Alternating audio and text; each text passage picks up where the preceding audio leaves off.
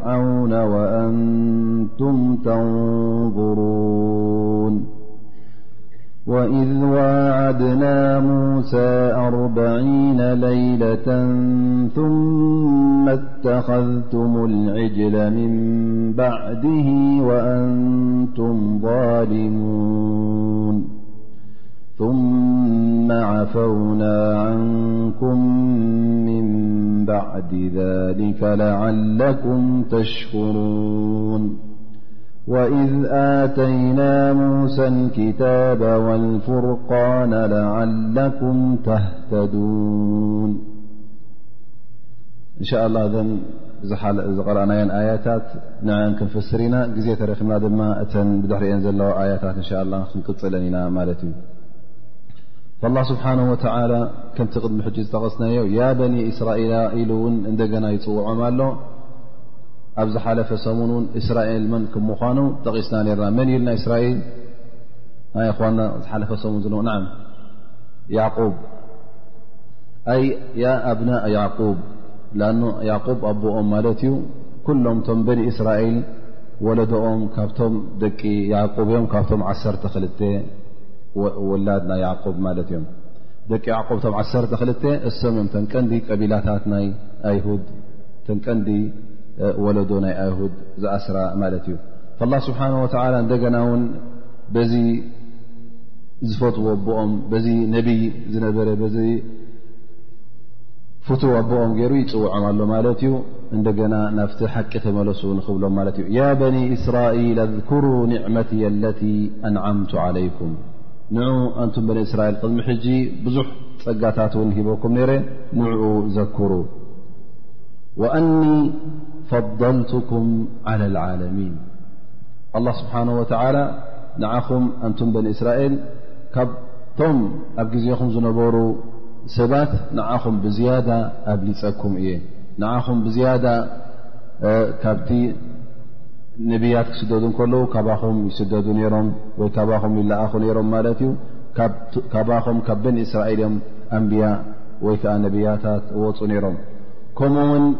ንዓኹ እየ መፃሕፍቲ ክታብቲ ካብ ሰማይ ዘወርደልኩም ነረ ማለት ሸሪዓ ትወሃቡ ዝነበርኩም እስኹም ኢኹም ስለዚ እስኹም ብሉፃት ገይረኩም ነረ ሞኒ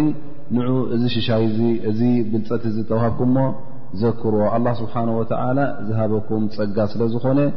እዚ ብልፀት እዚ ኣይትረስዑ ኢሉ ኣላ ስብሓን ወተዓላ የዘኻኽሮም ኣሎ ቅድሚ ሕጂ እውን እዚ ሓድሽ ምዝኽኻር ኣይኮነን ኣብቲ ግዜቲ እውን ሙሳ ከሎ ነብላ ሙሳ ለ ሰላም ከም ዝመረፆም ጠቂስዎ ሩ ኣ ስብሓ ከዝመረፆም ሙሳ ጠቂሱሎም ሩ ማለት እዩ የል ላ ስብሓ ወላ ወኢዝ ቃል ሙሳ ሊውም ያ ውሚ እذኩሩ ኒዕመة ላ ዓለይኩም ኩሉ ግዜ ክርስዑ የብሎም ምክንያቱ ኣላ ስብሓን ወላ እተ ዝሃበካ ሽሻይ ኣሎ ዝሃበካ ኒዕማ ኣሎ ንዓኻ ይኹን ነቶም ቅድሜኻ ዝነበሩ ኣቦታትካ እንተ ር ሂቡኩም ነሩ ኩሉ ግዜ ክትዝክሮ ኣለካ ምክንያቱ እዚ ሓደ ዓብ ፀጋ ስለ ዝኾነ እዚ ፀጋ እዚ እውን ናበይ እዩ ዝመርሓካ ንኣላ ስብሓን ወላ ኩሉ ግዜ ከተመስግኖ ኣልሓምዱላ ክትብል ኣልሓምዱላ ጥራይ መልሓስካ ዘይኮነ ውን ነቲ መገዱ ቅጥ ኢልካ ሒዝካ ክትከይድ ካብቲ ኢማኑ ክትወፅእ የብልካን መገዲ ክሕደት ክትቀርብ የብልካን እንታይ ደኣ መገዲ ሓቂ ክሒዝካ ክትከይድ ኣለካ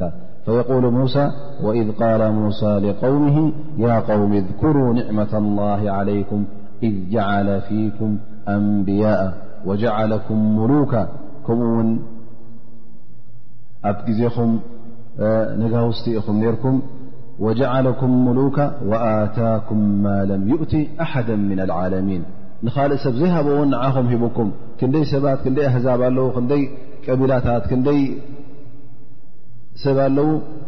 ካብኦም ነቢ ተላኢኹ ዘይፈልጥ ንዕኦም ክታብ ዘይወረዶም ኣብኦም ቃል ኣላ ስብሓን ወተላ ዘይወረደ ሰባት ብዙሓት ኣለዉ እሞኒ ነዚ እውን ዘክርዎ ይብል ኣሎ ኣላ ስብሓን ወተላ ኣላ ስብሓን ወተላ እውን ክጠቅስ ከሎ ብዛዕባ በኒ እስራኤል ወለቀድ እኽተርናሁም ዓላ ዕልሚ ዓላ ልዓለሚን ስለዚ መሪፅዎም እዩ ነይሩ ማለት እዩ ኣላ ስብሓን ወተላ ምሩፃት ገይርዎም ግን እዚ ምርጫ እዚ መዋእላዊ ምርጫ ኣይኮነን እንታይ ደኣ ኣብቲ ግዜኦም ኣብቲ ዝነበርዎ ግዜ እሶም ኣይ በኒ እስራኤል ምሩፃት እዮም ነይሮም እዚ ክንብ ዘገደደና ድማ ኣላ ስብሓን ወተላ ነዛ እማ ናህና እመቱ መሓመድ ታ ዝበለፀት እማ ስለ ዝገበራ ሕጂ እንተ ደኣ ከነነፃፅር ኮይና ምናልባሽ ሕቶ መፅ ኣላ ስብሓን ወተላ ንበኒ እስራኤል ወኣኒ ፈضልትኩም ዓለሚን ወይ ከዓ ኣብሊፀኩም እየ ከምኡ ውን ወለቀድ እኽተርናሁም ዓላ ዕልሚን እዝስ ወለቀድ እኽተርናሁም ዓላ ዕልሚን ዓላ ዓለሚን ኣላ ስብሓን ወተዓላ ኣብ ብዙሕ ብዙሕ ኣያታት ንበን እስራኤል ብልፀት ከም ዝሃቦም ከም ዘብለፆም ጠቒሱ ነይሩ እሞ መን እበልፅ ሃል እመት ሙሓመድ ያታ ዝበለፀት ወይ እመት ሙሳ ማለት በኒ እስራኤል ዝብል ሕቶ ይመፅእ ይኸውን ግን እንተ ደኣ ነቲ ኣያታት ርኢና ነቲ ቁርን ርኢና እታ ዝበለፀት እማ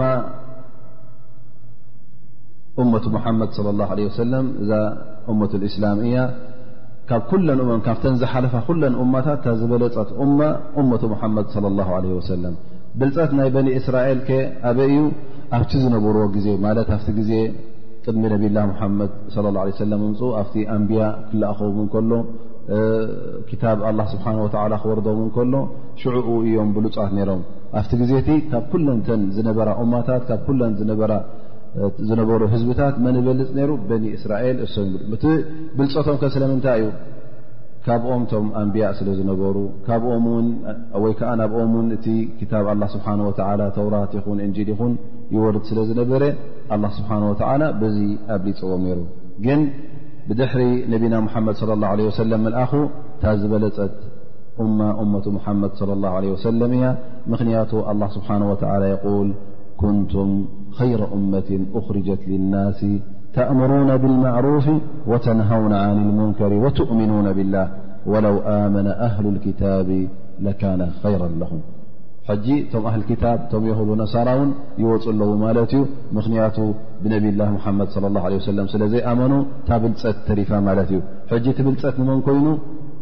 ንእመቱ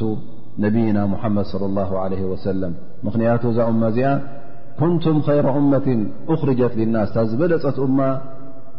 ልናስ ኩሉ ኣህዛብ ትዝሓለፈ ኩሉ ትዝመፅ ዘሎ እታ ዝበለፀት መን እያ ሕጂ እመቱ ሙሓመድ ለ ላ ለ ወሰለም ምኽንያቱ እዛ እማ እዚኣ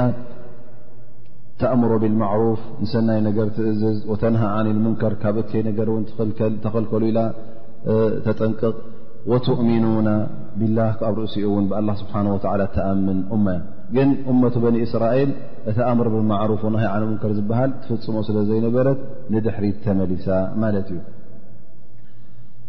ثመ የقል ላ ስብሓን ወተላ እዚ ሽሻያት ወይ ከዓ እዚ ኒዕማ እዚ ፀጋ እዚ ከዘኻኽሮም እንከሎ እንደገና እውን የጠንቅቖም ማለት እዩ የል ላ ስብሓን ወተላ ወተቁ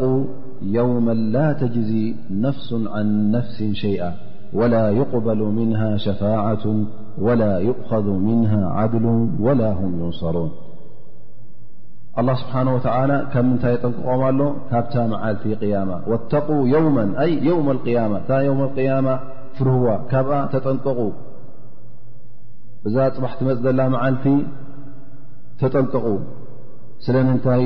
ኣ ብዛ መዓልቲ እዚኣ ላ ተጅዚ ነፍሱ ን ነፍሲ ሸይኣ ዝኾነት ነፍሲ ንዝኾነት ነፍሲ ምንም ኣይትጠቕማን እያ ምንም ውን ረብሓ ኣይ ክትህባን እያ ኣነ ንዓኻ ኣይክጠቕመካ እ እስኻ ንዓይ ኣይክትጠቕመንን ኢኻ ፅባሕ ንግሆ ኣብ ዮም ቅያማ ወላዲ ንውላዱ ኣይክረብሕን ኣይክጠቅምን እዩ ከምኡ ውን ውላድ ነብኡ ኣይክጠቅምን እዩ ሓው ንሓዉ ኣይክጠቅምን እዩ ሰብኣይ ንሰበይቱ፣ ሰበይቲ ንሰብኣያ ኩሎም ሕጂ ያነፍስ ያነፍስ ያሩሒ ያሩሒ እዳበሉ ጥራይ ነብሶም እዮም ዝርዩ ኣ ምበር ክጠቕሙኻ ኣይክእሉ እስኻ ውን ክትጠቕሞም ኣይትእኽልን ኢኻ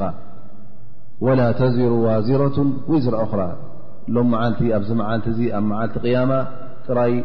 ኩሉ ዝኾነት ነብሲ ናይ ናታ ስለ ዝገድሳ ትዘንቢ እንተ ኣሎ ኮይኑ ኣብ ዝባና እዩ ዘሎ ተኣጅር እንተ ኣሎ ኮይኑ እቲ መክሰብ ንዓኣ እዩ ላ ስብሓን ወተላ የል ልኩል እምርእ ምንሁም የውመኢዝ ሸእኑ ይغኒ ኣብዚ መዓልቲ እዚ ኣብዚ መዓልቲ ቅያማ ኩሉ ወዲ ሰብ እቲ ጉዳዩ ጥራይ እዩ ዘገድሶ እቲ ጉዳዩ ሸፊንዎ ኣሎ ንገዛእ ርእሱ ክርኢ ከኣለ ነብሱ ጥራይ እዩ ዝርኢ ዘሎ ኩል እምርእ ምንሁም የውመኢዝ ሸእን ናይ ገዛእ ርእሱ ጉዳይ እሱዩ እቲ ዓብሊልዎ ዘሎ ስለዚ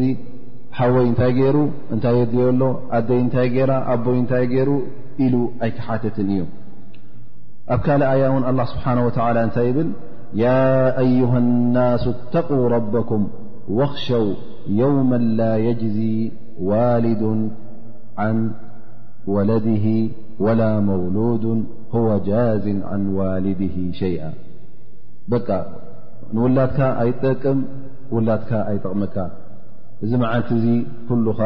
ያሩሕ ያሩሕ ስለ እትብል እታ ነፍስኻ ስለ እተዓጅበካ ጥራይ ነፍስኻ ካብ ሓዊ ጀሃንም ኣድሒንካ ንጀና ክተእትዋ ስለ እትደሊ እዚ መዓልቲ እዚ ብጣዕሚ ክንፈርሆ ዝግብኣና መዓልቲ እዩ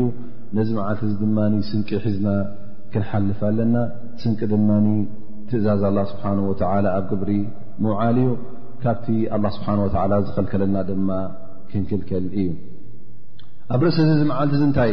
ከምኡ ውን ኣብዚ መዓልቲ እዚ ላ ይቕበሉ ወላ ይቕበሉ ምንሃ ሸፋዓ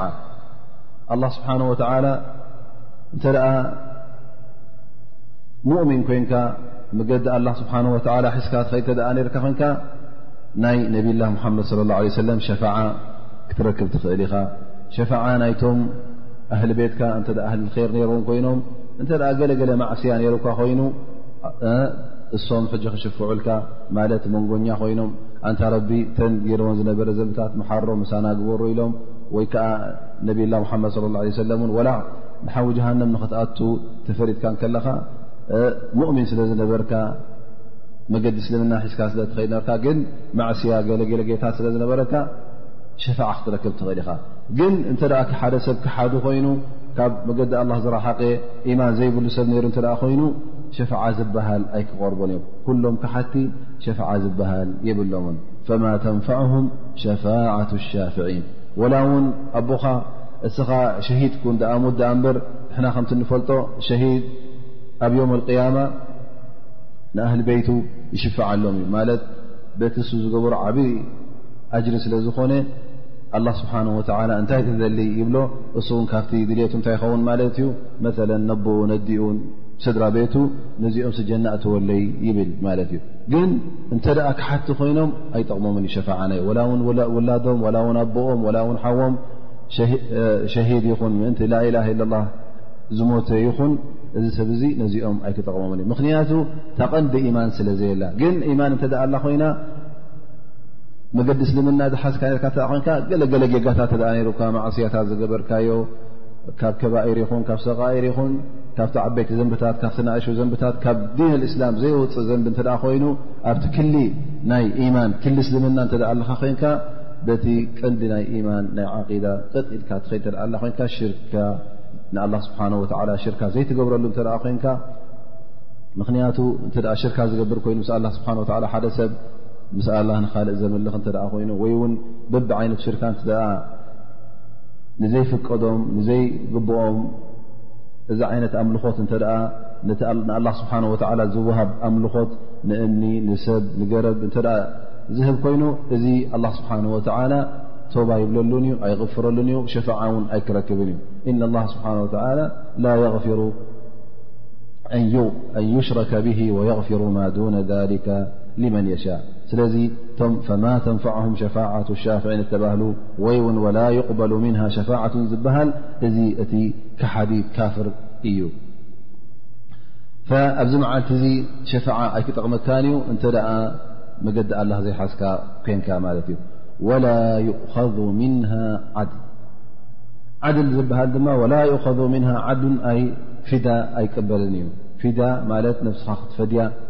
ብገንዘብ ይኹን ወይ ውን ብዝኾነ ይኹን ነገር ክትፈድያ ኣይትኽእልን ኢኻ ምኽንያቱ ዘቕረብካ እተቕረብካ ንኣላ ስብሓን ወላ እንታይ ከተቕርበሉ ኢኻ ሕጂ ካብቲ እሱ ዝውንኖ ሓድሽ ድኻ ክተቕርበሉ ኣይ ክተቕርበሉ ኢኻ ዝሃለወካ ማል ይሃሉኻ ዝሃለካ ወርቂ ይሃሉኻ ዝሃለወካ ሃፍቲ ይሃሉኻ ኩሉ እዙ ኣብ ምሉእ ዓለም ዘሎ ኣብ ምድሪን ሰማይን ዘሎ ኩሉ ሃፍቲ እተ ኣምፅካዮ ኣላ ስብሓን ወላ ዝኩሉ ኣይክቕበሎን እዩ ነታ ነብስኻ ንኸተድሕን በዚ እውን ኣይክትክእልን ኢኻ ሎሚ ኣብ ኣዱንያ ከለኻ ን ካብ ሚእቲ ክልተን ፈረቓን ዘካት ሃብ ትበሃል እዚአን ካብ ሓወ ጀሃንም ከትሐዳኻ ን ብቕርብ ገንዘብካ ብኩሉ ይኮነን ዓሰርተ ካብ ሚእቲ ኹና ክል ካብ ሚእቲ ሓሙሽተ ካብ ሚእቲ ወላ ዓሰርተ ቅሽ ናሃብካ ተሰደቕ ትበሃል እዚኣ ኣብ ቅድሚ ኣላ ስብሓን ወተዓላ ዓብ ክብደት ዘለዋ ዓብ ሚዛን ዘለዋ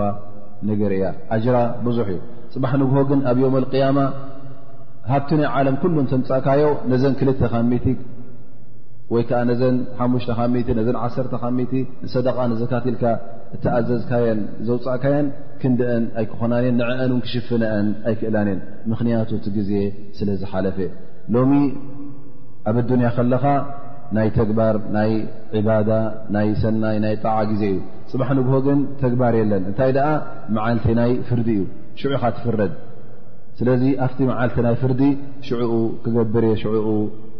ክህብ እየ ሽዑ ንኣላ ስብሓን ወላ ክግዝኦ የልካ ምንም ተገበርካ ኣይክጠቕመካን እዩ ወላ ስብሓን ወተላ ኣብ ካልእ ኣያታት እንተዳርእና እንታይ የብል እና ለذነ ከፈሩ ወማቱ ወሁም ኩፋር ማለት እቶም ዝኸሓዱን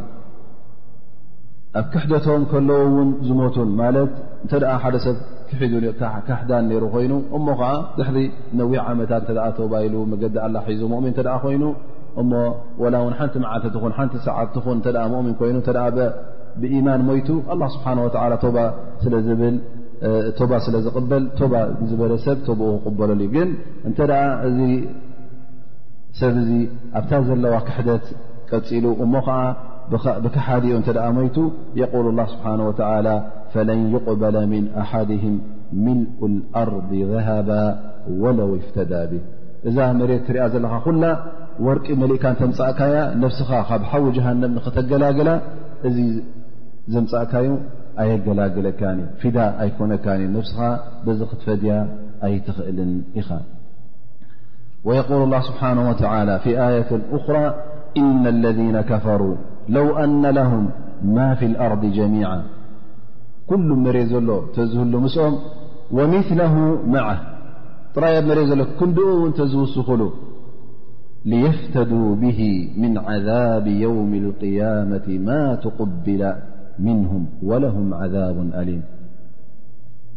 እዚ ምሉእ ኣብ መሬት ዘሎ ሃብቲ ከምኡ ውን ካልኣይ ክንድኡ ተወሲኽዎ እዚ ኩሉ ተዘምፅዎ እሞ ኸ ስለምንታይ ካብቲ ሓዊ ጀሃንም ካብታ ተፈረደላ ሓዊ ንኽድሕኑ እተ በዚ ፊዳ ክኾኖም እተ ፈቲኖም ኣይቅቡል ኣይኮነን ስለዚ ከምቲ ዝበልናዮ ረዮ ንምንታይ እዚ ሕጂ ኣላ ስብሓን ወላ ዝሎ ዘሎ ሙሉእ መሬትን እንደገና ክንደኣን ዕፅፋ ማለት እዩ እዚ ኣኪብካ ተመፃእካ ሓንቲ ይጠቕመካን እዩ ሎም መዓልቲ ግን ዓሰር ሳንቲም ቅርሺ ክልተ ቅርሺ ካብ ሓዊ ጀሃንም ክተገላግለካ ትኽእል እያ የቁል ነቢ ስለ ላ ሰለም እተቁ ናራ ወለው ብሽቂ ተምራ ሽቂ ተምራ እንታይ ማለት እዩ ወላ ብፍርቂ ተምሪ እተቁ ናር ሓዊ ጀሃንም ወላ ብፍርቂ ተምሪስ ክትከላኸለላ ትኽእል ኢኻ ሎሚ ፅባሕ ንግሆ ግን ዮም ቅያማ ኣብቲ ግዜ ፍርዲ ፍርቂ ተምሪ ሎም መዓልቲ ጠቅም ፅባሕ ንግሆ ግን እዚ ሙሉእ ሃብቲ ናይ ዓለም ክንድኡ ተዓፃፂሙ ተደራሪቡን እውን እንተቐረብካዮ ምንም ኣይክጠቕመካን እዩ ኣላ ኣላ ኣዩሃ ልእኽዋ እንተ ሓደ ሰብ ኣብ ናይ ሰደቃ ኣብ ናይ ዘጋት ገለ ሕፅረት እተ ኣለዎ ኮይኑ ካብቲ ቀንዲ ነገር ከነዘኻኽረኩም ናይ ዘካት እዩ ማለት እዩ ክርስዖ የብሉን ኣኑ ዋጅብ ግዴታ ስለ ዝኾነ ሓደ ካብቲ ናይ እስልምና መእዝን ወይከዓ ካብቲ ኣርካን እስላም ስለ ዝኾነ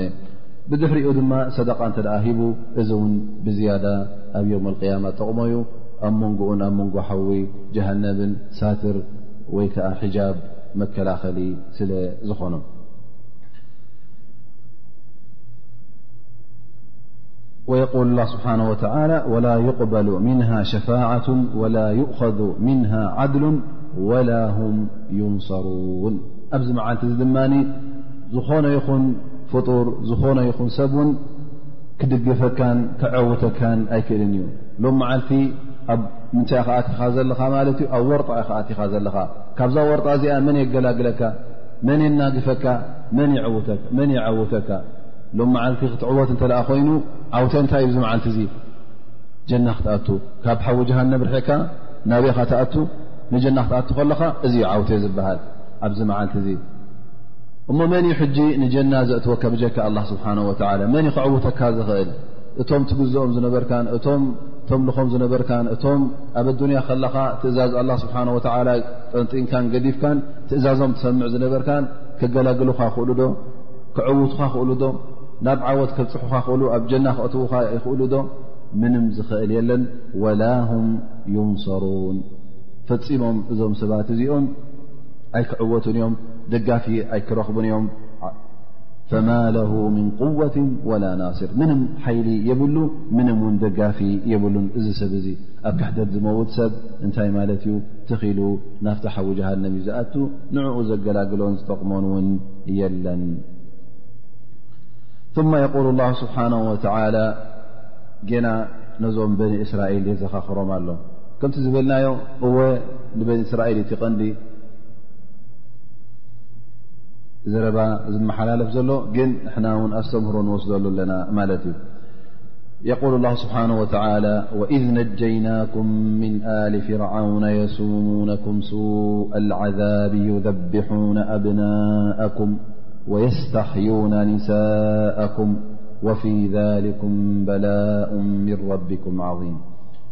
ጌና ውን ዘኩሩ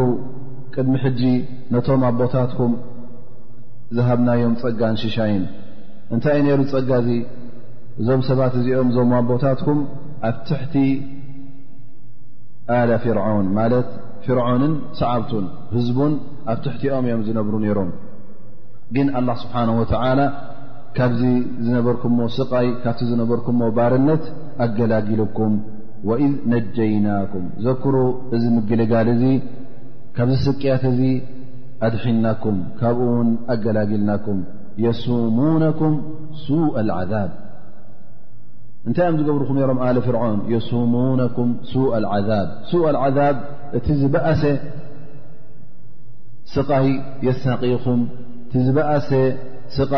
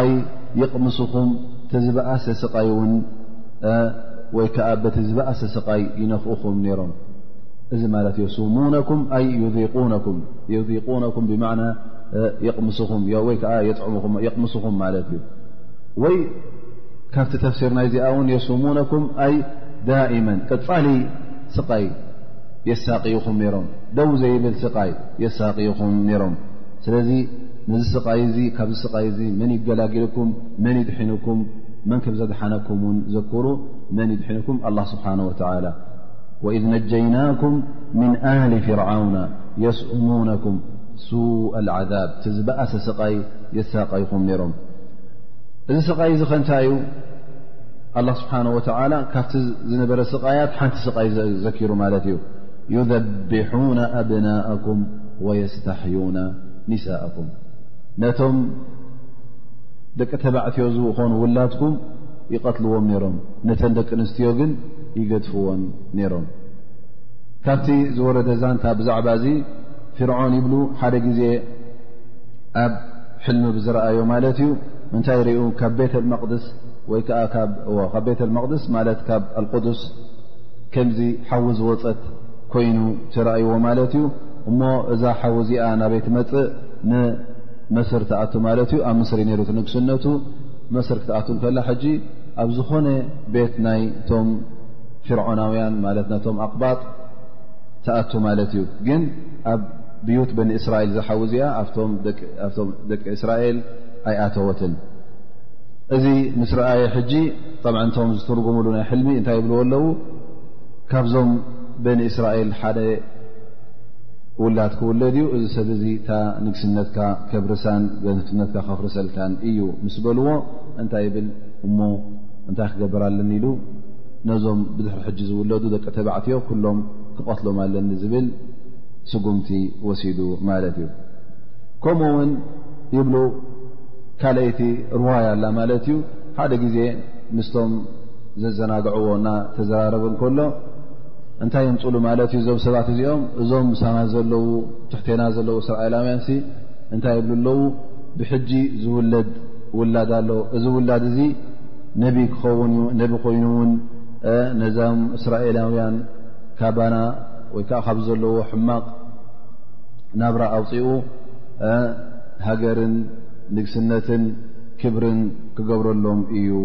ይብልዎ እዚ ሕጂ ኣብቲ መፅሓፎም ዝረኽብዎ ወይ ከዓ ትንቢት ኣለዎም ኢሎም ምስ ኣዘናግዕዎ እዚ ነገር እዚ ንኸይርከብ እንታይ ይገብር ማለት እዩ እቶም በኒ እስራኤል ክቕተሉ ከም ዘለዎም እቶም ኣወዳት ዘዝውለዱ ኣወዳት ክቕተሉን ተን ደቂ ኣንስትዮ ክግደፋን ይእዝዝ ማለት እዩ ግን እዚ ነገር እዚ እውን ኣይቀፀለን ክቐትሎም ምስ ረኣዩ እቶም ፍርዖናውያን እቶም ኣቕባጥ ንገዛእ ርእሶም እሞ እንተ ደኣ ንግሆ ንግሆ ዝውለድ እንተኣ ተቐቲሉስ እቶም ዓበይቲ እናኣረጉ ክሞቱ እዮም እቶም ንኣሽ ወዳት ድማ ይቕተሉ ኣለዉ ንመን ክተርፍ እዩ ተን ደቂ ኣንስትዮ ተን ግን ደቂ ኣንስትዮ ድማ ልክዕ ከምቶም ደቂ ተባዕትዮ ከገልግላና ኣይኮናን ስለዚ እንታይ ማለት እዩ እዚ ንሕና ክነገልግል ኢና ስለዚ ንፍርዖን መፂኦም ብልዎ እቶም ደቂ ተባዕትዮ ይውድኡ ኣለዉ እሞኒ ሓደ ነገር ግበረልና ይብልዎ እሞኒ እንታይ ይወስድ ውሳነ ማለት እዩ ሓደ ዓመት ይቕተሉ ሓደ ዓመት ንምሕሮም ይብል ማለት እቶም ዝውለዱ ኣፍታ ዝመሓርዎ ዓመት መን ይውለድ ነብላ ሃሩን ይውለድ ሃሩን ተወሊዱ ይቕፅል ማለት እዩ ኣፍታ ካልይቲ ዓመት እታ ምቕታል ዘለዎ ዓመት ግን ሰይድና ሙሳ ዓለ ሰላም ውለድ ክቕተል እውን እዩ ዳርጋ እቲ ተሓሲቡ ነይሩ ላኪን ኣላ ስብሓን ወተላ በቲ ቁድራናቱ ኣንቀዘኹ ላ ስብሓን ወተላ ኣንቀዘሁ ላ ስብሓን ወላ ቅሩብ ተተሓስብ ፍርዖን ንገዛ ርእሱ እታ ሕልሚ ሓቂ እንተ ደኣ ኮይና ወላ ቀትሉ ይቕተል ታክውንቲ ማለት እዩ ሓሶት ኮይና ድማ እቲ መቕተልቲ ኣይጠቅምን እዩ ንኣብነት እሱ ሕጂ እንታይ እዩ ዝብል ዘሎ እንታይ ሕልሚ ሓሊሙ እ ክውለድ እዩ ተወሊዱ እውን እታ ንግስነቱ ከፍርሰሉ እዩ እዛ ሕልሚ እዚኣ ክትከውን ክውንቲ እተ ሓቂ ኮይና ምቕታል ኣይጠቅምን እዩ ወላ ኩሎም እስራኤላውያን ተቐተሎም ሓደ ክብ መሉቕ ማለት እዩ እዚ ሰብ እዚ ከብርሶ እዩ እተ እታ ሕልሚ ናይ ብሓቂ ኣሚንዋ ኮይኑ ሕጂ እሱ ኣሚነያ ኢ እታ ሕልሚ እዚ ኩሉ ዝቐትል ዘሎ እንተ ደኣ ሓሶት ኮይና ድማ ዘይኣምና እተ ኮይኑ ነታ ሕልሚ ክቐትሎም ኣይነበሮን ማለት እዩ ግን ሓደ ሓደ ግዜ ብፍርህን ብዘይ ምዕዛብን እትወስዶ ውሳኔታት ኩሉ ግዜ ጌጋ ከም ምዃኑ ትስሕት ኢኻ ፈየቁል ላ ስብሓን ወተላ ነዚ እናዘከሮም ከሎ ንበኒ እስራኤል ከምዚ ሓላ ወይ ከዓ ከምዚ ኩነት ነይሩ ማለት ሕና እንተ ክንሪኦ ኮይና ንኣብነት ሕጅስ ከምዚ ዝኣመሰለ ንግስነ እተ ኣሎ ኮይኑ እቶም ዝውለዱ ውላትካ ደቂ ተባዕትዮ ዘዝውለዱ ክቕተሉ ዝብል ውሳነ እተ ተወሲኑ እቶም ተን ደቂ ኣንስትዮ ክተርፋ ዝበሃል ውሳነ እተ ተወሲኑ ክሳዕ ክልይ ስቓይኻ ትሳቐ ሎሚ መዓልቲ ውላድ ወሊደልካ ትሕጎሰሉ መዓልቲ መፅኦም ቦጓ ኣቢሎም ነዚ ቆልዓ እዚ ክሳዱ ቁርፅ ሕርድ ከብልዎ እንከለዉ ዓብዪ ስቓይን ዓብዪ መከራን ኮይኑ እዩ ዝስማዓካ ኣብ ቋንቋ ዓረብ ወይ ከዓ ኣብ ቁርን ፊርዖን ፊርዖን ኣብ ብዙሕ ኣያታት ኢና ንሰምዖ ማለት እዩ ፊርዖን ክበሃል ከሎ ናይ ግድን ሓደ ሰብ ኣይኮነን እንታይ ደኣ እቶም ኣብ መስር ወይ ኣብ ግብፅ ኣቶም ኣቕባጥ ክመርሑ ከለዉ እቲ ዝነግስ ፊርዖን ዝበሃል ስም ይወሃብ ነይሩ ማለት እዩ ከምዚ ናይ ክብሪ ሽም እዩ ነይሩ ዝመፀ ፊርዖን ይብልዎ ሕጂ እንተ ከምኡ ርኢኻስ ናይ ግድን ፊርዖን ሙሳን ፊርዖን ካልኦት ን ካልኦት ፊርዖን እውን ኣለዉ ማለት እዮም ኩሎም ሓደ ግን ኣይኮኑን ንንጉስ ናይ መስር ፍርዖን ይበሃል ነይሩ ቋንቋ ዓረብ ከምኡ ውን ንጉስ ናይ ሻም በዓል ሶርያ በዓል ፈለስጢን ቆምታ ዝሓዘ እዚ ቀይሰር እበሃል ነይሩ ኪስራ ዝበሃል ድማ ኣብ ፍሩስ በዚ በዓል ኢራን ብጅዝኡ ም ዕራቅ ብድሕሪኡ ዘሎ ናቶም ድማ ኪስራ ይበሃል ነይሩ ቱባዕ ዝበሃል ድማ ንጉስ ኣብይ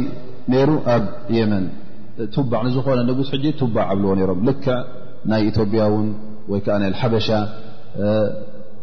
ነጃሺ ዝብል ዝነበረ ማለት ኣብኡ ከለካ ውን ነጋሲ ማለት እዩ ወይ ንጉስ ማለት እዩ እታ ዝቐረበት ሽም ማለት እዩ ስለዚ ናይ ግድን ኣይኮነን ማለት ፍርዖን ክትሰምዕ ከለካ ቁርኣንሲ እቲ ምስ ሙሳ ዝነበረ ፍርዖን ወይ ከዓ እቲ ብድሕሪኡ ዝመፀ ፍርዖን በበይኖም ክኾኑ ይኽእሉ እዮም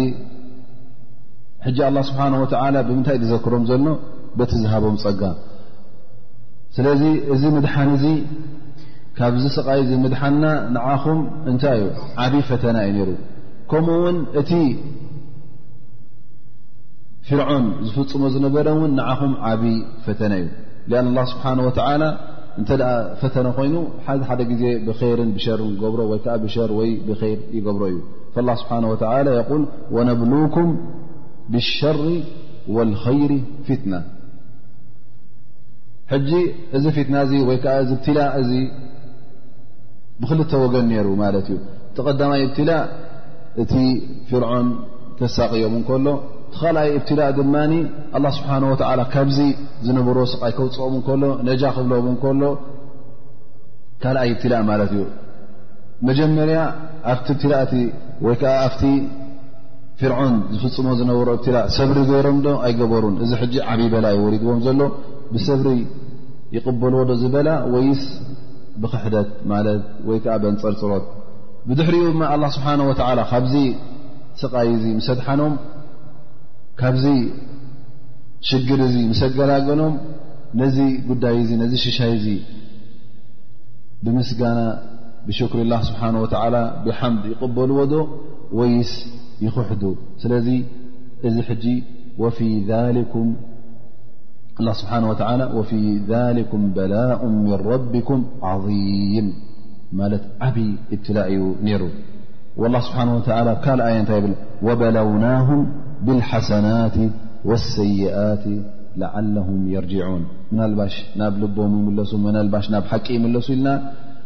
ወይ እውን ናብ ሓቂ ንኽምለሱ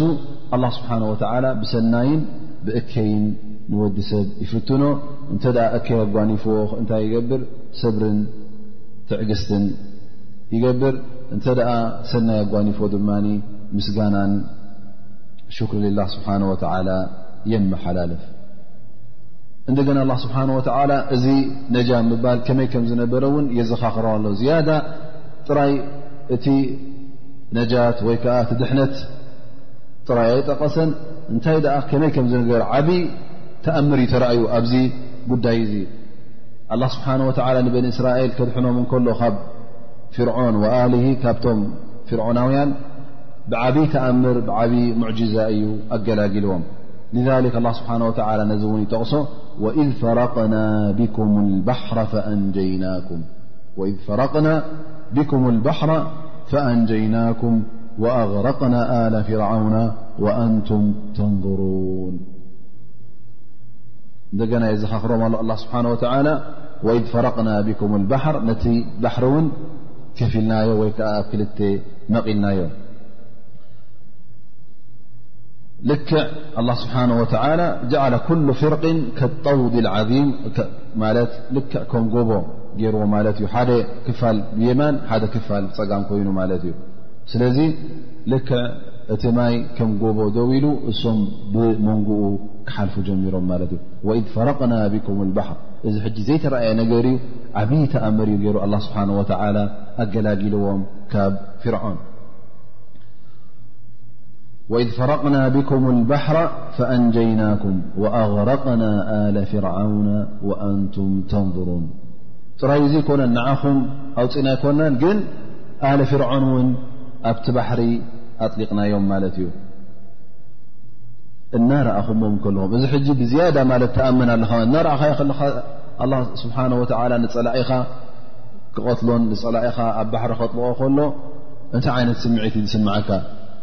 ድሕሪ ሕጂ እዚ ንኣብነት ሓደ ብተኣምር ክጥቀስ ከለኻ ሓቂ ድዩ ሓቂ ይኮነና ዘይረኣኻዮ ኮንካ ባሕሪ ልክዕ ከም ጎቦ ተፈልዩ ክልተ እሞ ከዓ ሰብ ብመንግኡ ሓሊፉ ክብልካ ከለዉ ምናልባሽ እተ ዘይረኣኻዮ ኮንካ እተ ብሰብ ዘይትፈልጦ ሰብ እተ ተነጊሩካ ሓቂ ይኮነን እውን ትብል ኢካ ትጠራጠር ግን ብዓይንኻ ክትሪኦም ከለኻ ብዓይልኻ ብእግኻ ብኡ ክትሓልፍ ከለኻ ፀላኢኻ ብኡ ክድፈኑ ከሎ ዘጠራጥር ነገር የለን ሕጂ እዚ ሕጂ ዓብዪ ኒዕማ ከም ምዃኑስ ክትተኣማመን እዩ ዘለካ ላ ስብሓን ወተላ በዚ ዓብዪ ኒዕማ እዚ ሕጂ የዘክሮም ኣሎ ማለት እዩ ፈኣንጀይናኩም ካብዚ ዝነበርኩሞ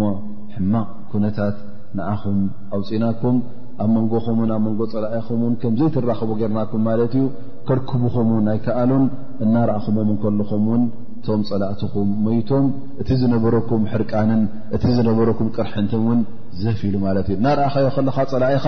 ክመውት እንከሎ ጸላኢኻ ንዓኻ ክርክብ ንዓኻ ክቀትል እናሓሰበ ከሎ ኣብኡ ከሎ ግቢ ኢሉ ክመውት ከሎ ሕጂ ወፍ ኢልካ ተዕርፍ ነብስኻ ትርያሕ ልብኻ እውን ዘፍ ይብለካ ኣሰይ ትብል ማለት እዩ ሕጂ እዚ ሕጂ ሂብናኩም እዚ ሕጂ ዓብዪ ኒዕማ እዮም ረኺቦሞ ዘለዉ እሞ ነዚ ኒዕማ እዚ የመስግንዎ ዶ ኣይመስግንዎን እቶም ኣብቲ ግዜ ዝነበሩ ብዓ ነብላ ሙሳ ነዚ ኒዕማ እዚ ከም ዘመስጎንዎ ኣበይ ንረኽቦ ማለት እዩ ኣብቲ ስያም ዮሙ ዓሹራ ነብላ ስብሓ ወ መዲና ምስ መፁ በኒ እስራኤል ሕጂ ክፀሙ ረኺቦምም ማለት እዩ ገለገለ ካብቲ ቅኑዕ ተግባራት ናይ ሰይድና ሙሳ ዝነበረ እውን ኣለ ኣብ ምስኦም ማለት እዩ ክፀሙ ምስ ረኸብዎም እንታይ ኹም እዛ መዓልቲ እዚኣ ትፀምዋ ዘለኹም ኢሎም ይሓትዎም ማለት እዩ وهذا الحديث - رواه الإمام أحمد عن ابن عباس - قال قدم رسول الله - صلى الله عليه وسلم - المدينة فرأى اليهود يصومون يوم عاشراء فقال ما هذا اليوم الذي تصومون قالوا هذا يوم صالح هذا يوم نجى الله فيه بني إسرائيل من عدوهم فصامه موسى عليه السلام فقال رسول الله صلى الله عليه وسلم أنا أحق بموسى منكم فصامه رسول الله صلى الله عليه وسلم وأمر بصومه نبينا محمد صلى الله عليه وسلم مدنة سم الت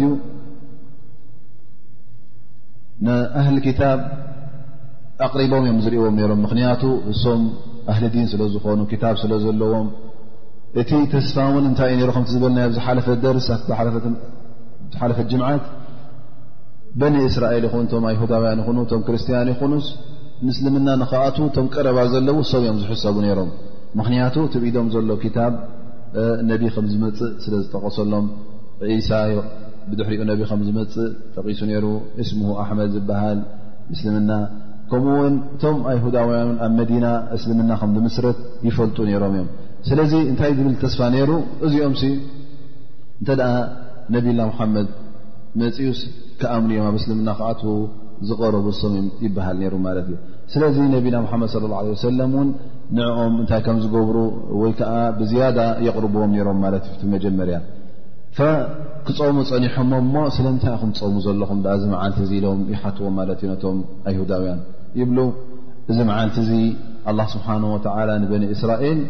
ካብ ፍርዖን ዘድሓነሉ መዓልቲ እዩ እሞ እዚ መዓልቲ እዚ ቅድሚ ሕጂ ነብላ ሙሳ ፀይምዎ ካብዚ መዓት እ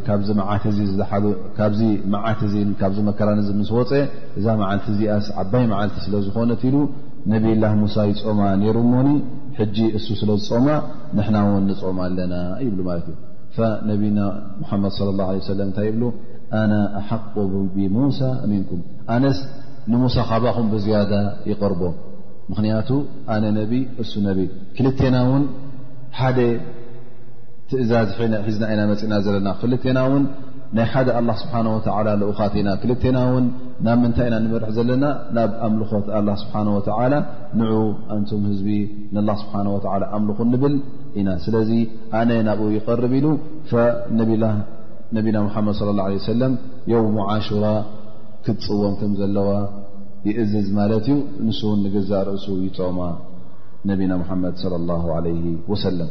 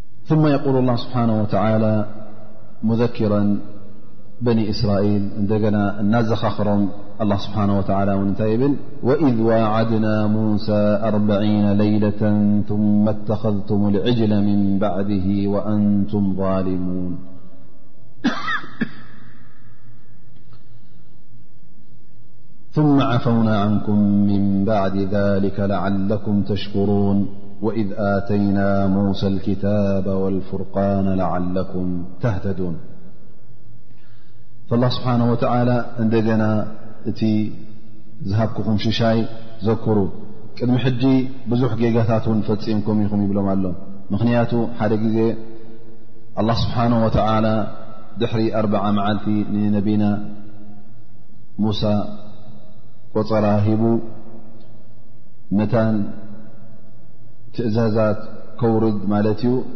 ካባኹም ኣብ ካልእ ቦታ ምስ ከደ ንስኹም እንታይ ፈፂምኩም እተኸዝቱም ኣልዕጅል ማለት ሳምሪ ዝበሃል ነይሩ ኣብ መንጎኦም እቲ ሒዞሞ ዝወፁ ካብ መስር ክወፁ ከለዉ ሒዞሞ ዝወፁ ናይ ወርቂን ገለን ስለ ዝነበረ ሕጂ እንታይ ይገብረሎም ኣሎ ማለት እዩ ልክዕ ከም ናይ ምራኽ ምስሊ ይገብረሎም እሞኒ እዚ እዩ ጎይታኹም ስለዚ ንዑ ኣምልኽዎ ን ስገድሉ ክብሎም ይጅምር ማለት እዩ ነብላ ሙሳ ድማ ኣይነበረን ስለዚ ኣብ ክንዲ ኣብቲ ሙሳ ዝገደፎም መገዲ ኣብ ክንዲ እቲ ሒዘሞ ዝነበሩ ሓቂ ዝኸዱ እንታይ ይኸውን ማለት እዩ እዚ ሰብ ዚ የጋግዮም እሞ እንታይ ይስርሓሎም ማለት እዩ ምስሊ ናይ ምራኽ ገይሩ እዚ እዛ ምስሊ እዚኣ ድማ ገለ ድምፂ ተውፅእ ነራ እሞኒ ሕጂ እዚ እዩ ጎይታኹም ስለዚ ንዑ ነዚ ኣምልኹ ይብሎም ሶም ከዓ ደድሕሪኡ ነዚ ጣዖት እዚ ከምልኹ ይኸዱ ማለት እዩ ፈላ ስብሓን ወተላ እዚ ጉዳይ እዚ ከመይ ከም ዝነበረ የዘክሮም ኣሎ ማለት እዩ ግን እዚ ምስ ገበሩ እውን ኣላ ስብሓን ወተላ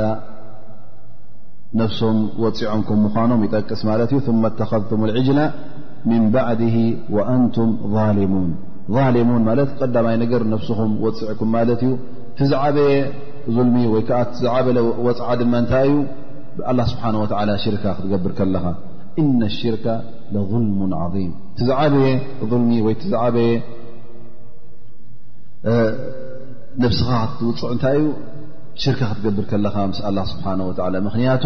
በቃ ካብ ዲን ልእስላም ትርሓቕ ኣለኻ ማለት እዩ ካብ እስልምና ትወፅእ ኣላ ተኺላ ድማ ጀሃንም እያ ትኣቱ ዘላ ማለት እዩ ማዕስያ ክትገብር ከለኻ ጌጋታት ክትፍፅም ከለኻ እዚ እውን ነብስኻ ተወፅዕ ኣለኻ ግን ትዝዓበየ ወፅዓ ነታ ምስ ኣላ ስብሓን ወላ ሽርካ ክትገብር ከለኻ ምኽንያቱ እቲኣ ከምታ ዝበልናያ መቕፊራ የብልናን ኣላ ስብሓን ወላ እውን እተ ቶባይልካ ናብቲ ሓቂ ዘተመለስካ እተ ሽርካ እናገበርካ ከለኻ ምስ ኣላ ስብሓን ወላ እንተ ሞትካ ፅባሕ ንግሆ ከምታ ዝበልናያ ሸፍዓ የብልና ምሕረት የብላ ግን እንተ ገለገለ ጌጋታት ትገብር ርካ ኮይንካ ወላ እውን ካብ ከባኢረ ዝኑብ ትገብር ርካ ኮይንካ ፅባሕ ንግሆ ሸፍዓ ክትረክብ ትኽእል ኢኻ ምናልባሽ ካብ ኣህሊ ቤትካ ካብ ነቢ ለ ላ ለ ወሰለም ሸፍዓ ትረክብ ኢኻ ከምኡ ውን ወላ ውን እቲ ዝገበርካዮ ዘንቢ ክንድኡ ተቐፅዕካ መጨረሽታኻ ንጀና ክትኣትኻ ግን ሽርካ ዝገብር ሰብ ካብቲ ሓዊ ጀሃንም ኣይወፅእን እዩ ካሊድን ሙኸለድን ዘለኣለም ኣብቲ ሓዊ ጀሃንም እዩ ዝነብር ላ ስብሓን ወተላ ንበኒ እስራኤል እዚ ጉዳይ እዚ ገይርኩም ዓብይ ዘንቢ ፈፂምኩም ካብ መገዲ ኣላ ወፅእኩም ሲ እተኸብኩም ልዕጅላ ማለት ነዚ ምራኽ እዚ ከም ጎይታ ገይርኩም ጣኦት ኣቕሪብኩም ሞ ንኡ ትግዝኡ ነርኩም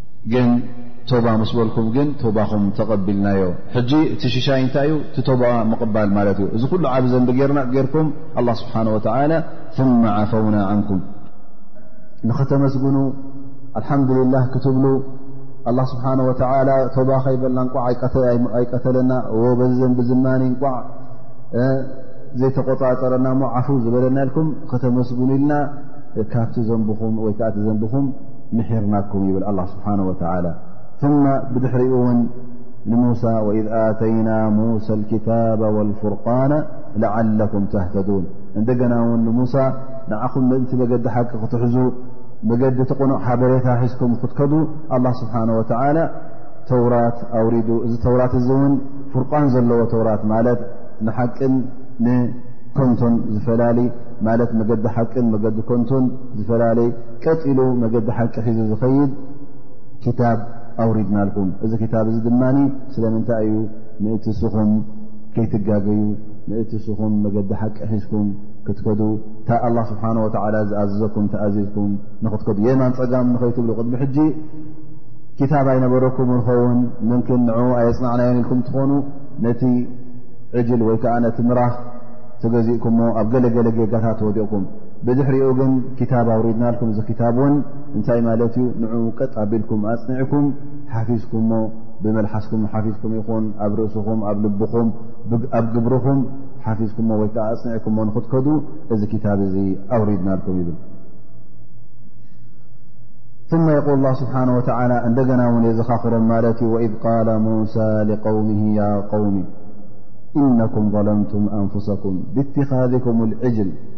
ፈቱቡ ኢላ ባርኢኩም ፈቕትሉ ኣንፍሰኩም ذሊኩም ኸይሩ ለኩም ዕንደ ባርኢኩም ፈታበ ዓለይኩም እነሁ ሁወ ተዋብ ራሒም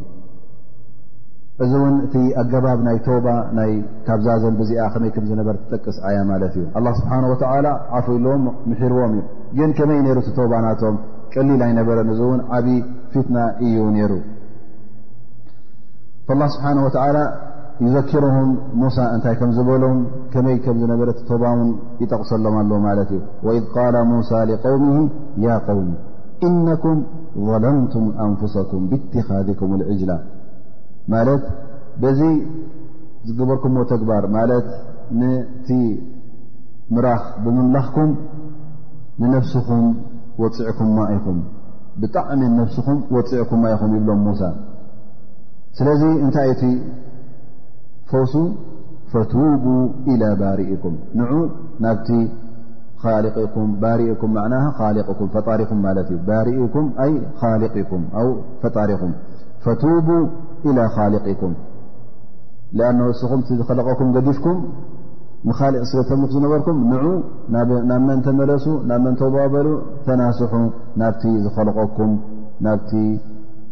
ቀንዲ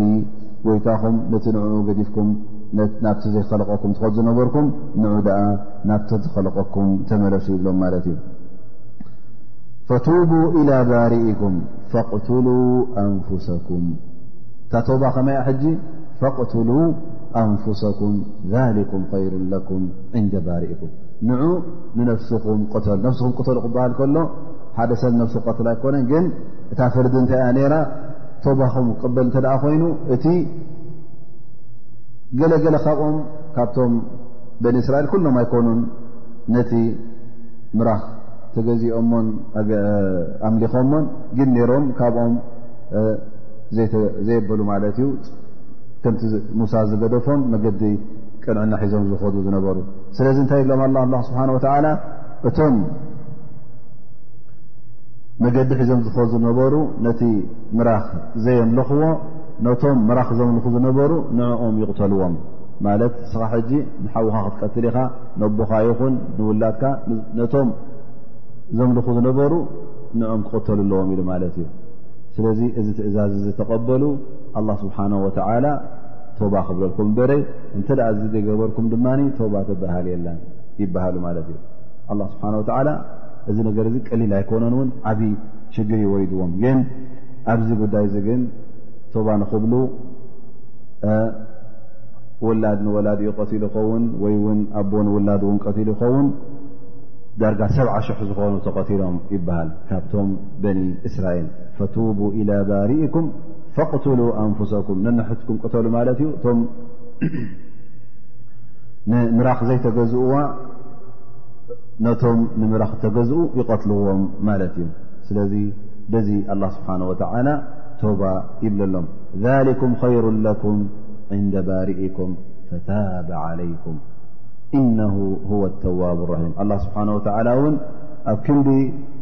በቲ ዘንብኹም ንዮም ቅያማ ትሓልፉ እሞ ከዓ በቲ ዝገበርኩምዎ ዘንቢ ንሓዊ ጀሃንም መዋእልኩም ትኣትዉ ንዑ እዛ ሒዝኩማ ዘለኹም ነፍሲ ን ምእንቲ ኣላ ኢልኩም ስብሓ ወ ኣሕልፍዋ ምእንቲ ኢልኩም ስብሓ ወ ሙቱ ምእንቲ ኣላ ስብሓ ወ ነቲ ዝገበርኩሞ ዓብ ዘንቢ ክሓፅበልኩም ይብሎም በዘኣ ይሕፀበሎም ማለት እዩ እቲ ዘንቦም ውን ይራገፈሎም ላ ስብሓ ወ ነቶም ዝቐተሉን ነቶም ዝተቐትሉን ንኹሎም ዓፉ ይብለሎም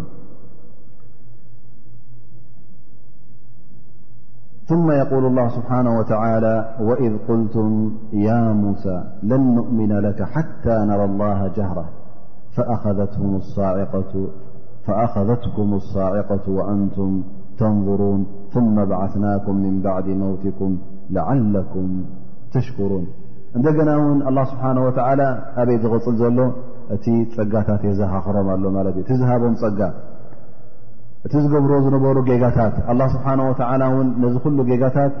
ይምሕሮምን ነቲ ኩሉ ጌጋታት እውን ሸለል ይብለሎም ከም ዝነበረ ቀሊል ጌጋ ኣይነበረን እንታይ ደ ዓበ ዓበ ጌጋታት እዮም ዝፍፅሙ ነይሮም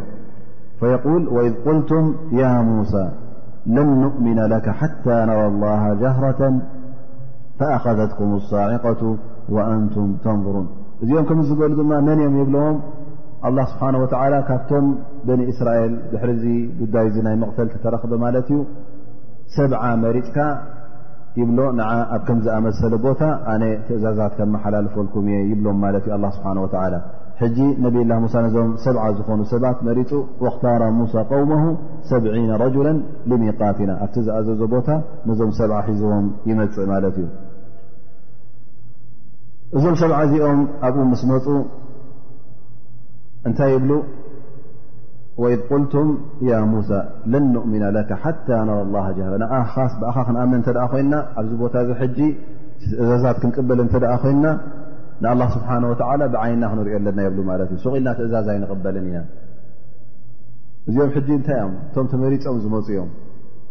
ፈማ ባሉካ እቶም ተሪፎም ዘሎእቶም ተሪፎም ዘለዉ እንታይ ንበሉ ነይሮም ስለዚ እዚኦም ሕጂ ቶም ምሩፃት ቶም ደሓን ተባሃሉ ቶም ዝሓሹ ተባሃሉ ሽማግለ ተባሂሎም ፈሊጦም ዕልሚ ኣለዎም ተባሂሎም መገዲ ሓቂ ዝሓዙ ተባሂሎም እዮም ሕጂ ቶም ሰብዓ ዝመረፆም ማለት እዩ እዚኦም ግን እንታይ ክብሉ ጀሚሮም ማለት እዩ ለን ኑእሚና ለካ ሓታ ነራ ላ ጃሃራ ንኣላ ስብሓን ወተላ ብዓይንና እተዘይረኣናዮ ብዛ ኣዱንያ ያ ሙሳ ይንኣምነልካ ኢና ትእዛዝ ተምፃልና ፅሑፍ መፅእኩም ዝወሪዱኩም ኣላ ዝዛረበኩም ኣሎ ትብለና ኩሉ ይጠቅም ዩ ዋላ ተሰማዕናዮ ቃሉ እውን ኣይንኣምን ኢና እንታይ ደኣ ክንርኢ ኣለና ይብሉ ማለት እዩ እዚ ሕጂ ሙስተሒል ዘበት ኣብ ኣዱንያ ክርከብ ዘይከኣል ስለ ዝኾነ ሕጂ ዘበት እዮም ዝሓቱ ዘለዉ ግን ኣብ ዮም ኣልቅያማ ከምቲ ኣህለሱና ወልጀማዓ ከምቲ ኣብ ክታብን ኣብ ሱናን ንረኽቡ መርትዖታት ሙእምኒን ኣብ ዮም ኣልቅያማ ንኣላ ስብሓን ወተላ ክርእይዎ እዮም ውጁሁን የውመእዝን ናራ ኢላ ረቢሃ ናራ ኣብ ዮም ኣልቅያማ እዚ ጉዳይ እዚ ዘበት ኣይኮነን ኣላ ስብሓን ወተዓላ ልክዕ ዝኾነ ይኹን ሰብ ከምዛ ንወርሒ ዝርኣ ንኣላ ስብሓን ወተዓላ ጋህዲ ክሪኦ ማለት እዩ ብዓይኑ ክሪኦ እዩ ግን ኣብ ዱንያ ንኣላ ስብሓን ወተዓላ ክትሪኦ ይትኽእልን ኢ ስለዚ እቲ ዝሓትዎ ዘለዉ ዘበት ስለ ዝኾነ ሕጂ እንታይ ማለት እዩ ክኣምኑ ደልዮ ኣለውን ማለት እዮም ክሰምዑ ይደልዮ ኣለውን ኣላ ስብሓን ወተዓላ ነዚኦም እንታይ ይገብሮም ፈኣኸዘትሁም ሳዒቃ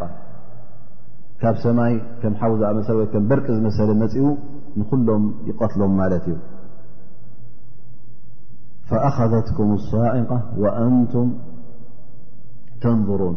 እናረኣዩ ከለዉ ደው ኢሎም ከለዉ ካብ ሰማይ ሳዒቃ መፅኣ ንኹሎም ትቐትሎም ማለት እዩ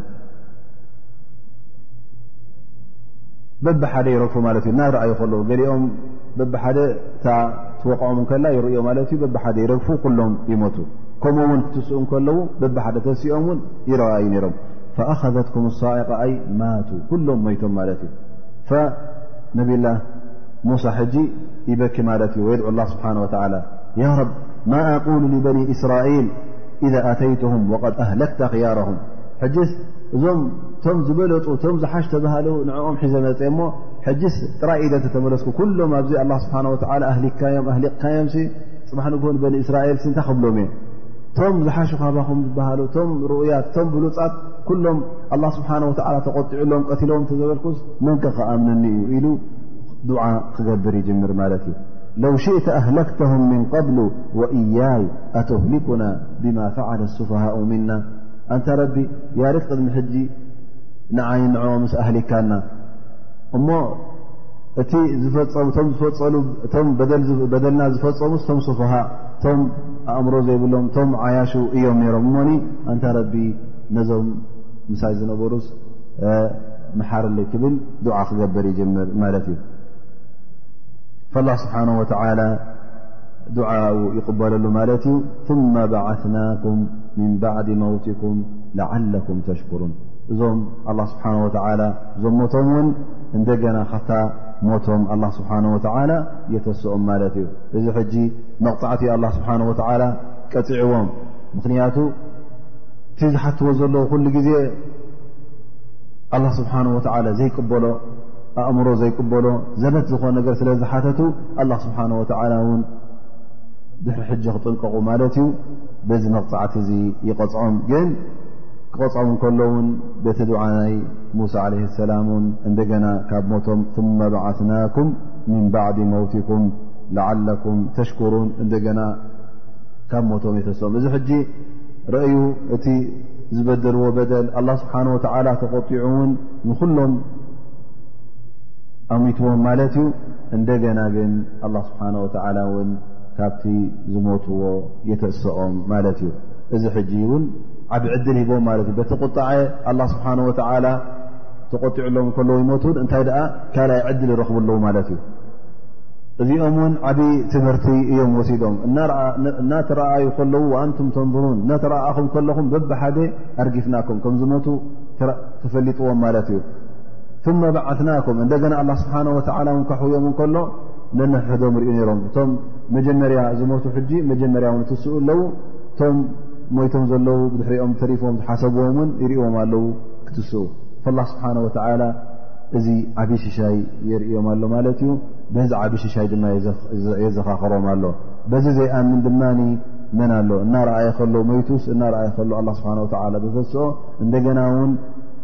ዕድል ይበካ ከሎ ኣላ ስብሓን ወተዓላ ዓብ ሽሻዩ ተቆጢዑልካ ከሎ በቲ ቁጣዐ በቲ ስቓይ ዘይሞትካ እንታይ እንደገና ዕድር ትረክብ እንደገና እውን መገዲ ሰናይ ንኽትሕዝ ኣላ ስብሓን ወተዓላ ዕድል ይበካ ማለት እዩ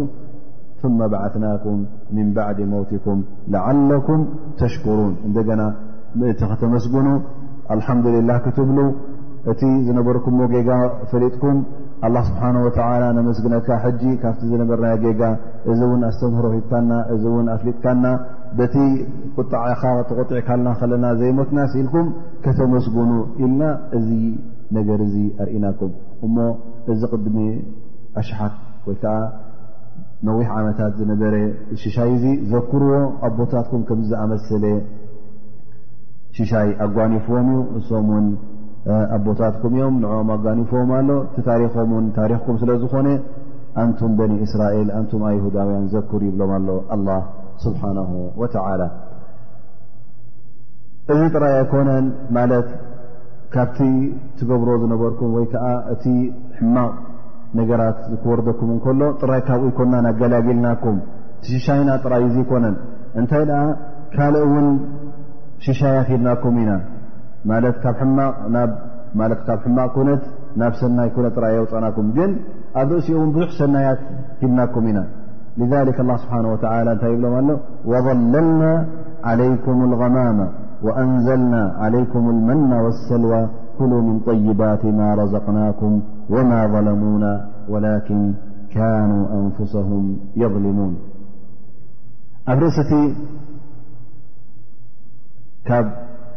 ሕማቕ ኩነት ምውፃእና ውን ኣብ ርእሲኡ ካልእ ሽሻያት ውን ሂብናኩም ኢና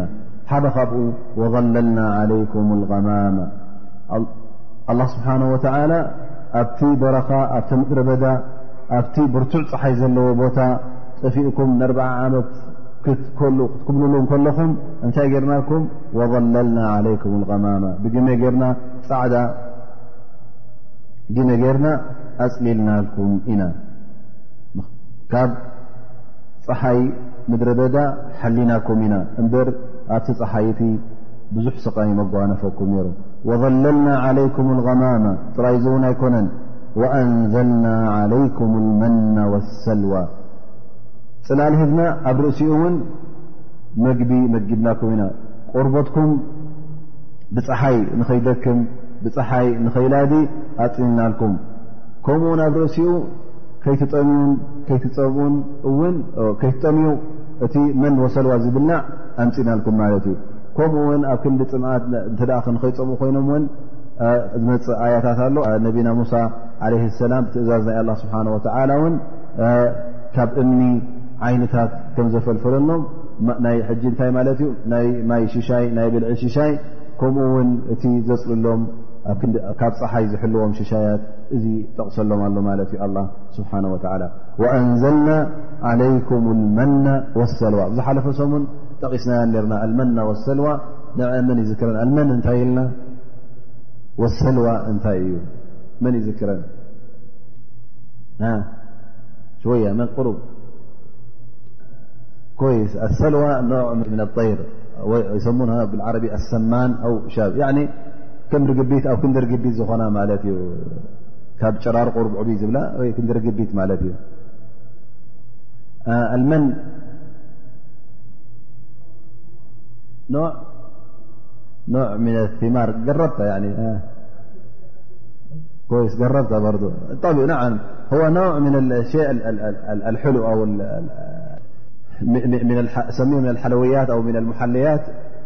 ጥዑም ዝኾነ ነገር ማለት እዩ ኣላ ስብሓን ወላ ካን ዩንዝልሁ ምና ኣሰማእ ዓላ ኣሽጃር ወህዋ ኣሸዱ በያض ምና ኣለበን ወኣሕላ ምና ዓሰል ካብ መዓር ዝምቅርን ካብ ፀባ ዝፅዕዱ እውን ዩ ነይሩ ማለት እዩ ኣላ ስብሓን ወላ እዚ ኣውሪዱሎም ላ ስብሓን ወላ ካነ ዩንዝሉ ዓለይህም ሃ እዚ ነገር እዚ ክወርድ ከሎ እንታይ እዋ ንወርድ ነይሩ ኢልና ድሕሪ ፈጅሪ ክሳዕ ፀሓይ ትበርቕ ነይሩ ማለት እዩ ስለዚ እተን ንመዓልቲ ዝዛ መዓልቲ እዚኣ ተኣኽሎም ይኣርዩ ነይሮም ማለት እዩ እንተ ዝያዳ ወሲዱ በላሾ ነይሩ ጅምዓት ክኸውን ከሎ ቀዳም መዓልቲ ዒባዳ ስለ ዝኾነ ከዕርፉ ስራሕ ናይ ኣዱንያ ስለ ዘይፍቀዶም ናይ ክልተ መዓልቲ ይወስዱ ነይሮም ማለት እዩ ፅባሒቱ ዝቕርስዎ ማለት ላ ስብሓን ወተዓላ እዚ ዝኣመሰለ ኒዕማ ወይከዓ ዝኣመሰለ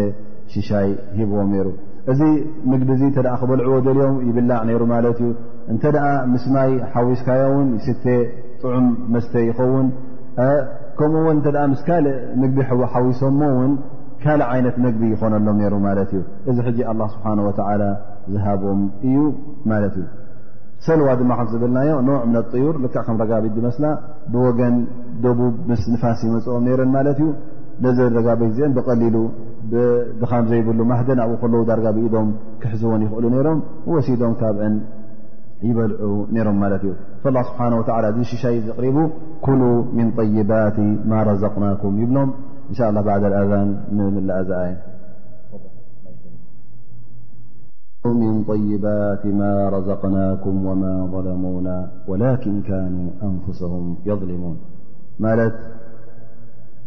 ብልዑ ካብቲ ዝሃብናኩም ሽሻይ ኢሉ ኣላ ስብሓን ወተዓላ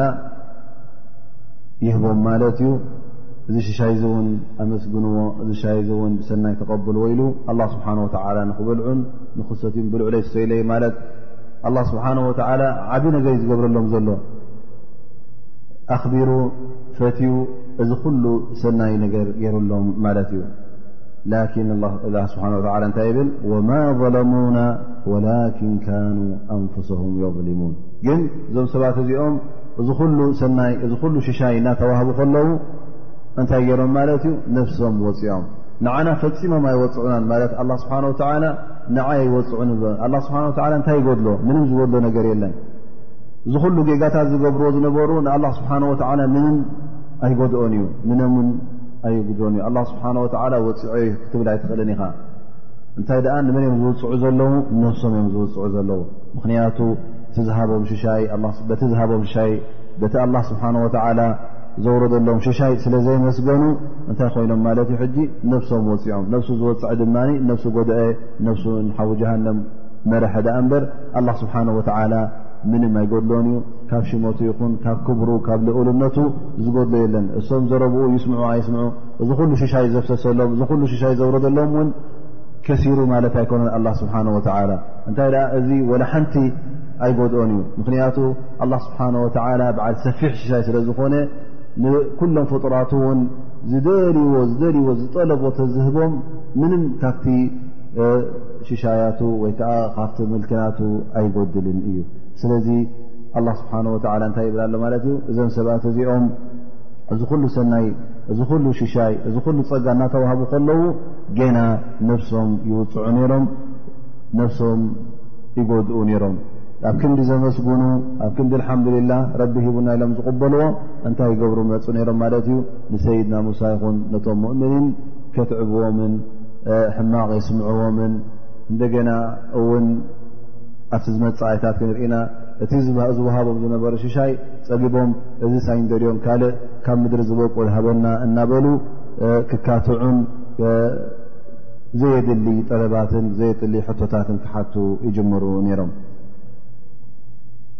ካብዚ ድማ እንወስዶ ኣስተምህሮ እንታይ እዩ ወይ ከዓ እቶም ሰሓበት ነቢ ብፆት ነቢና ሓመድ صለ ه ለ ሰለም ዝነበሩ እቶም ተኸተልቲ ወይ ከዓ ሰዓብቲ ነቢና ሓመድ ለ ለ ሰለም ዝነበሩን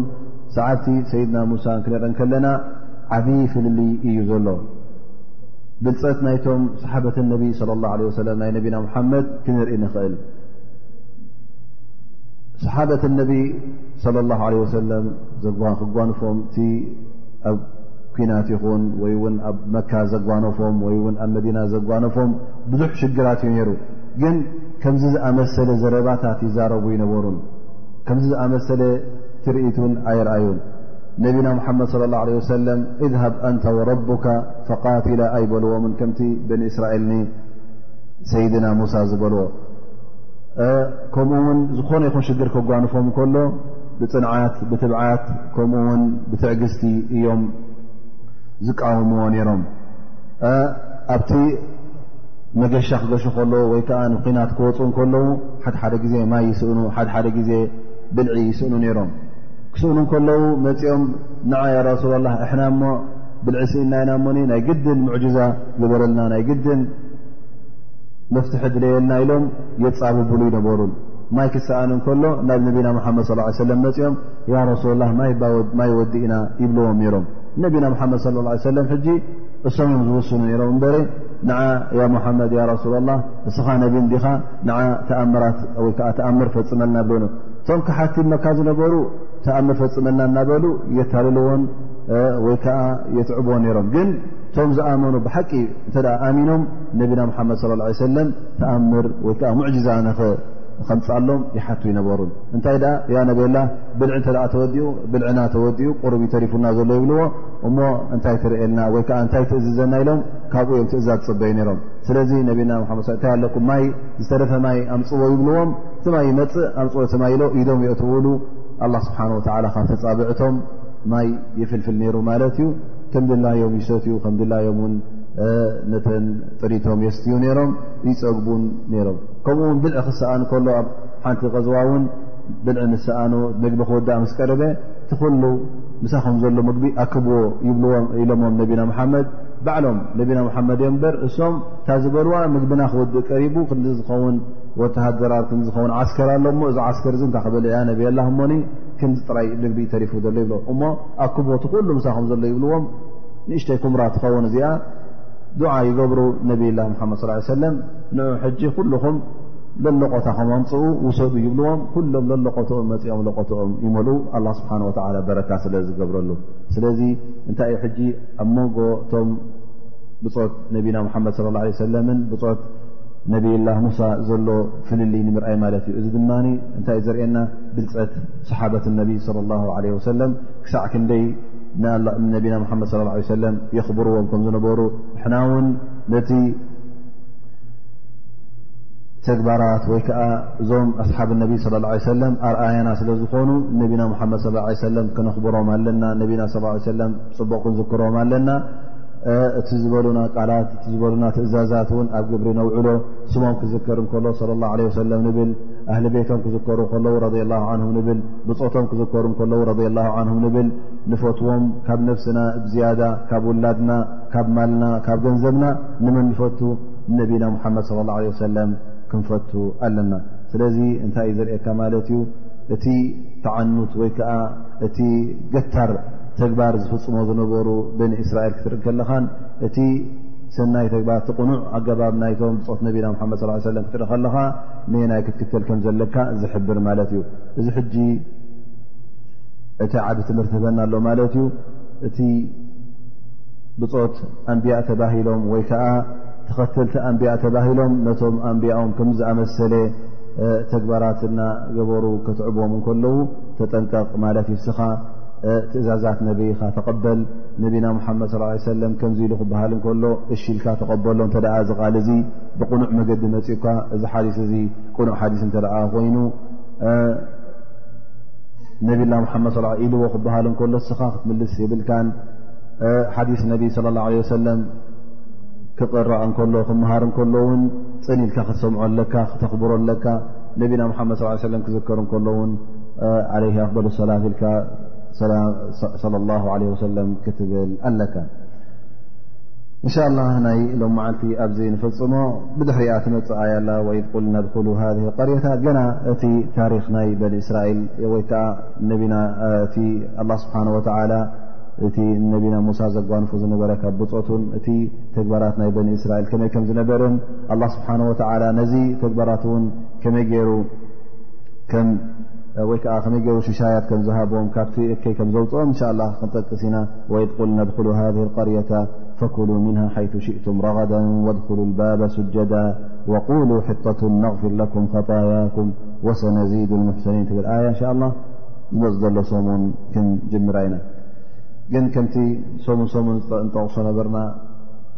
እንታይ እንታይ ዓይነት ፍሬታት ከም ዝሓዝና እውን ክትተሓባበሩናን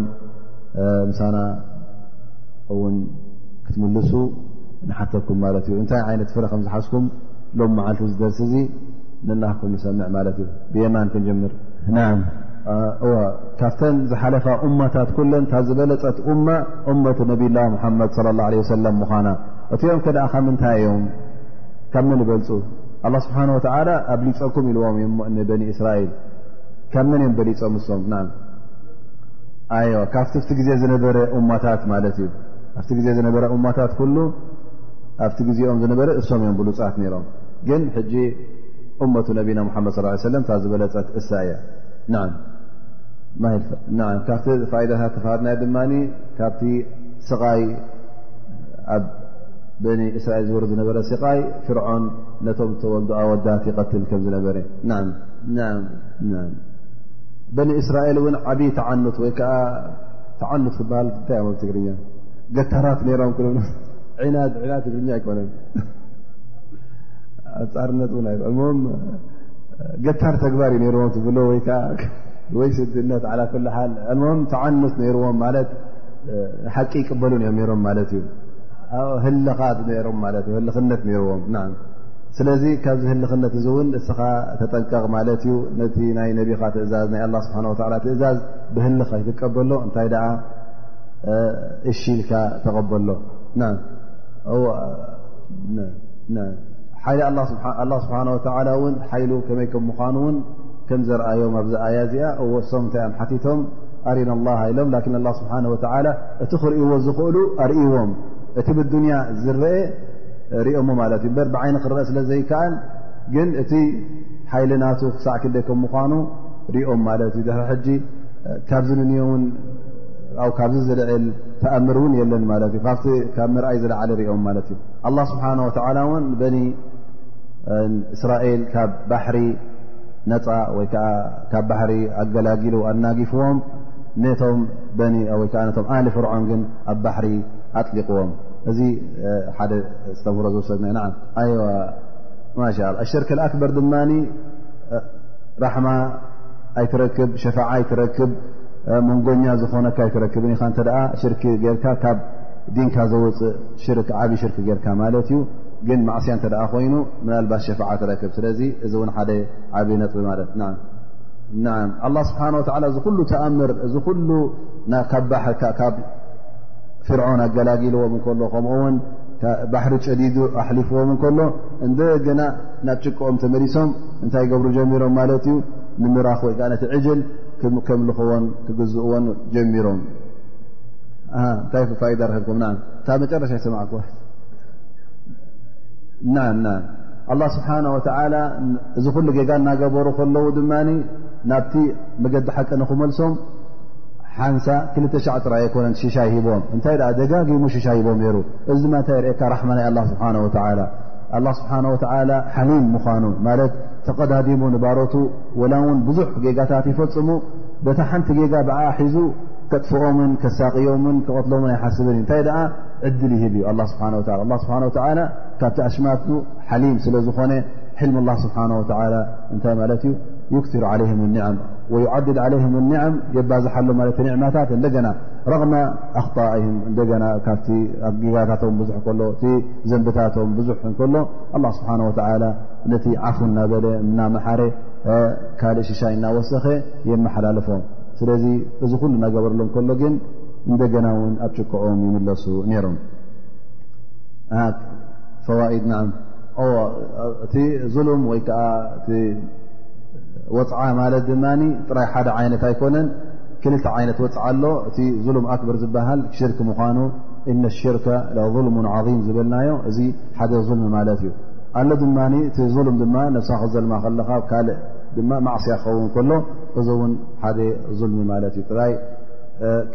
ክልተ ዞም እዮም ሓደ ጥራይ ኣይኮነን ማለት እዩ ኣላ ስብሓን ወላ ካብቲ ዝሃቦም ኒዕማታት ንበኒ እስራኤል እውን ከይፅዓሩ ከይደኸሙ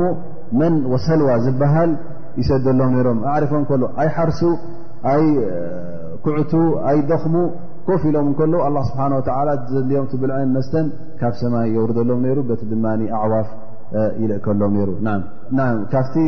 በኒ እስራኤል ዝገብርዎ ዝነበሩ ድማ ክፍሩ ኒዕማ ዝበሃል ነፍሲሻይ